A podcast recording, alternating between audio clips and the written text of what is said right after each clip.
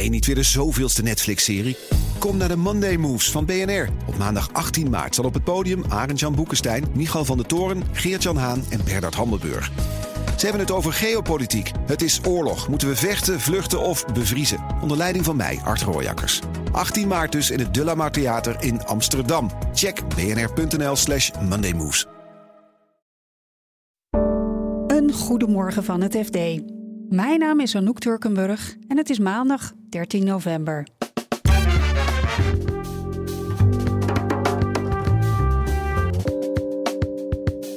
Goede doelen zien hun beleggingen verdampen.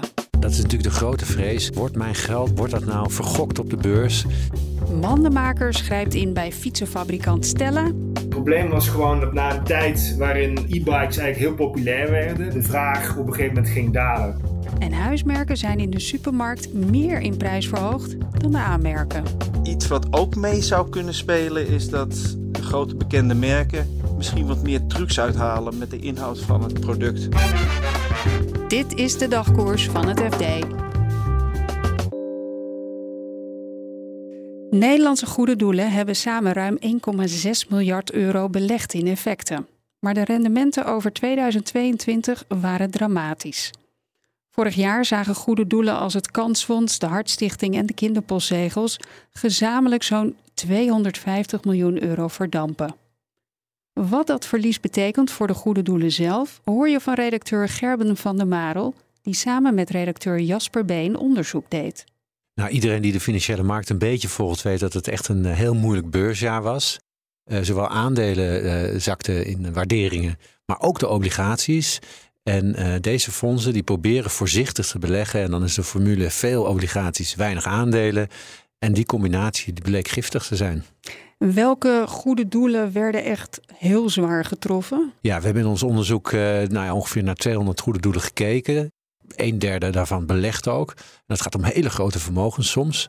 Het loopt van zo'n 300 miljoen uh, naar, uh, nou ja, naar een paar miljoen. Cultuurfonds is een hele, hele grote belegger.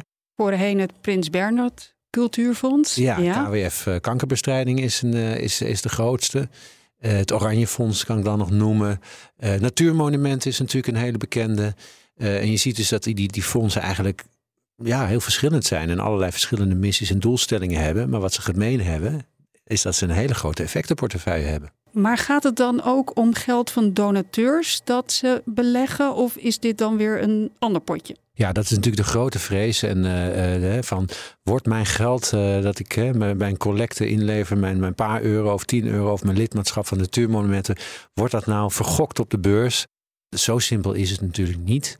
Want um, ze, ze, hebben inmiddels wel reserves opgebouwd en ook vermogens.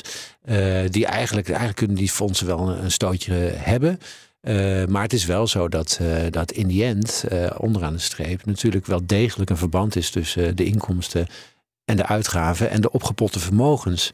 Die mogen wel groot zijn, maar ze zijn wel een stukje ongezonder geworden. Betekent het ook iets voor de activiteiten die zij ondernemen? Kunnen ze nou ook minder geld uitgeven aan de, aan de doelen die zij steunen? Nou ja, sommige van die fondsen die hebben een, een, een vermogen. Dat, daarvan is de bedoeling dat de vruchten daarvan, met andere woorden, de rendementen dat die extra inkomsten genereren. Nou ja, die worden natuurlijk als de beurs omlaag gaat, worden die natuurlijk uh, geraakt. Um, het heeft voor de, eigenlijk voor de dagelijkse bedrijfsvoering vooralsnog uh, geen directe gevolgen. Maar de directie zit er natuurlijk goed op. Hè. Mensen maken zich zorgen daarover. Het ziet er gewoon slecht uit. Ze rapporteren daarover.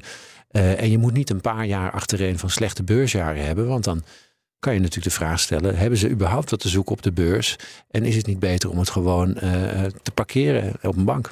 Jij stelt de vraag al: is dat nou verstandig om, om te gaan beleggen als je een liefdadigheidsinstelling bent? Nou, de theorie is natuurlijk dat je de geld beter rendeert op de beurs dan, uh, dan op een spaarrekening. Uh, er komt nog bij dat er negatieve rente was natuurlijk. Hebben we anderhalf jaar lang meegemaakt. Dus er zaten ook fondsen met enorme vermogens. Die moesten boetes betalen voor, uh, voor het op het spaarrekening houden van, van hun geld. Ook ongewenst. Uh, maar er zijn wel ook heel wat fondsen die bewust niet beleggen. En dat doen ze soms principieel niet. ze willen niks te maken hebben met de financiële markt. Ze willen ook niet afhankelijk zijn van de financiële markt. Ze willen zich concentreren op een missie. En Artsen zonder Grenzen is bijvoorbeeld één. Ze hebben ook het geld kort snel nodig bij een, bij een ramp of bij een, eh, een probleem in de wereld. Eh, ja, ik denk dat, dat het heel goed verdedigbaar is als je een lange termijn missie hebt. Dat je dan belegt op de beurs en dat je het voorzichtig doet. Maar dan moet je ook wel uh, ermee kunnen leven dat het af en toe naar beneden gaat. En dat er dan journalisten zullen zijn en donateurs die vragen stellen van heb je daar überhaupt wel wat te zoeken? Mandenmakers trekt de macht naar zich toe bij e-bike fabrikant Stella. DM Equity Partners, de investeringsmaatschappij van keukenondernemer Ben Mandenmakers, heeft zijn belang uitgebreid. En dat terwijl de e-bike fabrikant nog altijd met een zeer uitdagende markt te maken heeft. Zo legt redacteur Sonny Motke uit. het probleem was gewoon dat na een tijd waarin uh, de e-bikes eigenlijk heel populair werden, bijvoorbeeld in de coronatijd, en iedereen die, die, die, die fietsen wilde hebben, de vraag op een gegeven moment ging dalen. Dat komt ook door uh, ja, de, de marktomstandigheden, inflatie, um, problemen in de leveringsketen. Uh, en uiteindelijk viel de vraag dermate weg dat de voorraden alleen maar gingen stijgen. Kost je gewoon heel veel geld om die voorraad te onderhouden. Ja, en als dat blijft aanhouden in een langere periode, aangevuld dus met zaken als inflatie en onzekerheid van de consument, uh, dan moet je in gaan grijpen. En dat uh, doet Stella dus nu uh, eigenlijk voor de tweede keer in een jaar tijd. Waar ging die eerste ingreep over? Nou, begin dit jaar heeft Stella al een, een, reorganisatie doorgevoerd, waarbij een, een aantal banen zijn geschrapt. en ook werd toen de CEO vervangen. na twaalf jaar is de, werd de medeoprichter Daan van deed een stapje terug. Die is commissaris geworden. En toen kwam een andere man, Aldert de Boer, dus in beeld. En aan hem de taak om uh, eigenlijk een verdere herstructurering van de organisatie door te voeren. En ervoor te zorgen dat uh, Stella weer gaat groeien. Want dat is de bedoeling. Dat is toch de bedoeling. Hij heeft met jullie gesproken over zijn, ja, zijn plannen, zijn herstructurering. Wat neemt hij voor maatregelen? Um, afgelopen week uh, zijn er uh, gesprekken geweest uh, bij Stella. is het personeel geïnformeerd dat er opnieuw, de tweede keer dus in een jaar tijd, banen verdwijnen. Het gaat om 12 tot 15 banen, bevestigt de boer. Waarvan onduidelijk is nog op welke afdelingen. Jij zegt 10 tot 15 ontslagen. Is dat veel op het totale aantal? Hij, hij, hij benadrukt zelf dat dat niet heel veel is. Kijk, Stella heeft nu circa 450 mensen werken. Um, dus in, op het, op de van het totaal is het dan niet heel veel. het is dus wel zo dat de tweede keer in korte tijd een, een x aantal banen verdwijnt. En in gesprek met ons kan hij natuurlijk ook niet garanderen dat dat over een, een, volgende periode niet alsnog moet gebeuren. Um, dus het is meer die onzekerheid die bij die werknemers toch wel hoog is in deze tijd. En het is wel duidelijk dat bij Stella, en dat wordt ook toegegeven, de marges uh, nog steeds onder druk staan. En nog een verandering is dat een van de aandeelhouders heeft zijn uh, belang vergroot. Uh, om welke aandeelhouder gaat het precies? Dat is DMEP, de investeringsgroep van bekende keukenondernemer Ben Mandenmakers. Die is jaren geleden al ingestapt bij Stella. Had altijd een belang van 35% laatst bekend, dus echt een minderheidsbelang. Dat betekende ook eh, na de CEO-wisseling van afgelopen voorjaar dat je altijd twee, minimaal twee aandeelhouders nodig hebt om een beslissing te nemen. Nou, wij kwamen er nu achter dat er een uh, statutenwijziging is geweest, waardoor je voortaan met een normale meerderheid uh, beslissingen kunt nemen. En we hebben ook vernomen en bevestigd door CEO De Boer dat DMEP nu de uh, meerderheidsaandeelhouder is. Um, wat zou betekenen dat zij uiteindelijk de laatste stem hebben en een beslissing kunnen doorvoeren. Wat verwacht de CEO van Stella nog uh, voor de toekomst?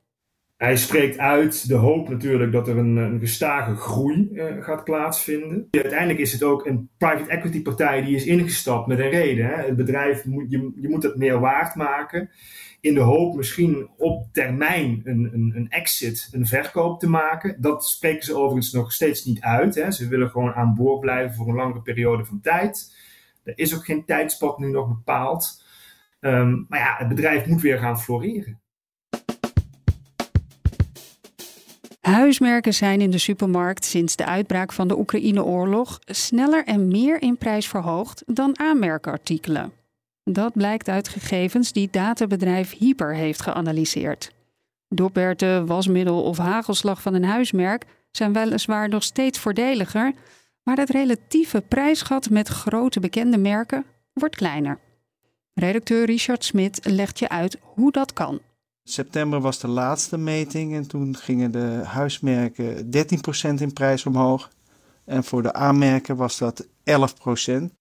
De maanden daarvoor wisselde dat een beetje, maar het lag wel standaard. Lag de prijsverhoging bij uh, huismerken boven die van de aanmerken. Oké, die huismerken zijn van de supermarkten zelf. Betekent dat nu ook dat die supermarkten eigenlijk een slaatje slaan uit, uh, uit die prijsverhogingen?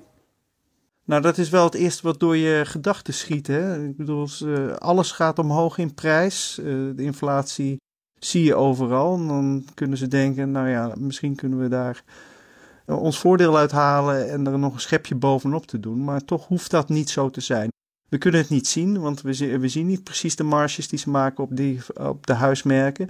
Maar ik heb wat experts gesproken uit het veld en die uh, denken ook dat het wel zo kan zijn dat de duurdere inkopen van uh, ingrediënten bij huismerken nu eenmaal harder aantikt dan bij aanmerken. Bij aanmerken moeten er ook dure reclamecampagnes gemaakt worden. Dat is bij huismerken natuurlijk veel minder, want die lopen gewoon mee in uh, bijvoorbeeld de Albert Heijn of de Jumbo-campagnes. Iets anders zou kunnen zijn dat aanmerken toch voelen dat ze meer in de gaten gehouden worden door uh, de consumenten. Zodat die wat beduchtig zijn om hun prijzen omhoog te gooien. Uh, mensen hebben eerder in de gaten als Unox soep twee dubbeltjes in prijs stijgt dan wanneer een, een huismerk dat doet. Iets wat ook mee zou kunnen spelen is dat de grote bekende merken misschien wat meer trucs uithalen met, met de inhoud van het product. Iedereen kent inmiddels de term krimflatie. Dus een beetje stiekem de inhoud aanpassen en de prijs hetzelfde houden. Eigenlijk is dat een, uh, een verkapte prijsverhoging. Maar dat zie, je, dat, dat, dat zie je niet zo. En het zou kunnen zijn dat die aanmerken daar net wat handiger in zijn dan de huismerken. Ja, dat zie je ook wel in het schap als je, als je kijkt naar allerlei producten dat 400 gram ineens 375 gram is geworden, of 350 gram. En vaak is dat toch bij de bekende merken zo. In die zin werkt het dus wel. Die worden niet meegenomen in deze metingen, want dat gaat allemaal over producten die al zeker een jaar onveranderd in het schap liggen. En als er een ander gewicht komt, dan telt het als een nieuw product. Nou, merken we allemaal dat die boodschappen een heel stuk duurder uh, zijn geworden. Hoe reageren consumenten uh, nou op, op die duurdere boodschappen? Passen ze hun aankopen aan of is hun aankoopgedrag bijvoorbeeld anders? Nou, behalve dat je ziet dat uh, het winkelmandje steeds meer gevuld wordt met, met die huismerken, wat dus een minder effect heeft dan, dan een tijdje geleden, zie je ook dat ze op koopjesjacht gaan. Nederland is een promotieland. Een kwart van de boodschappen wordt hier in de aanbieding verkocht. En dat tikt best wel aan, want vaak uh, gemiddeld is die korting toch wel 30%. Dus er wordt uh, behoorlijk in die folders gebladerd. En dat levert ook best wat op. En daarvoor struinen consumenten ook verschillende winkels af. Ze gaan naar goedkopere supermarkten. Je ziet het vooral bij de zogenaamde soft discounters, die wel aanmerken verkopen, maar toch een, uh, een redelijk goed prijsimago hebben. Dirk en Fomar die hebben marktaandeel gewonnen. Opvallend is wel dat ook Albert Heijn uh, marktaandeel heeft gewonnen. Maar die hebben wat harder in de promotiebus geblazen. Er zijn steeds meer aanbiedingen in die winkels. En wat verwachten experts qua prijs, prijsstijging voor de toekomst? Zij verwachten dat dat uh, komend kwartaal wel eens een beetje zou kunnen dalen. Maar dan gaat het over enkele procenten. Ik heb daar toevallig gisteren ook Frans Muller van Ahold Delhaize over gesproken, omdat die kwartaalcijfers hadden. Die hebben ook de verwachting dat die prijzen iets naar beneden zullen gaan. Maar het zou goed kunnen zijn dat begin volgend jaar die prijzen weer omhoog gaan, omdat allerlei fabrikanten met extra uitgaven komen te zitten die te maken hebben met investeringen in duurzaamheid. En ook dat boeren ecologischer gaan boeren, dat levert minder producten op. Schaarste is hogere prijzen.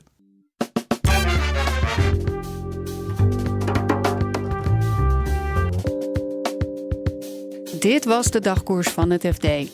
Wil je deze verhalen ook nog lezen? Dat kan via de show notes. Daar vind je links waarmee je onze artikelen gratis kunt lezen. In onze app vind je intussen al het laatste financieel-economische nieuws. En wij staan morgen weer voor je klaar. Voor nu een hele fijne dag en graag tot morgen.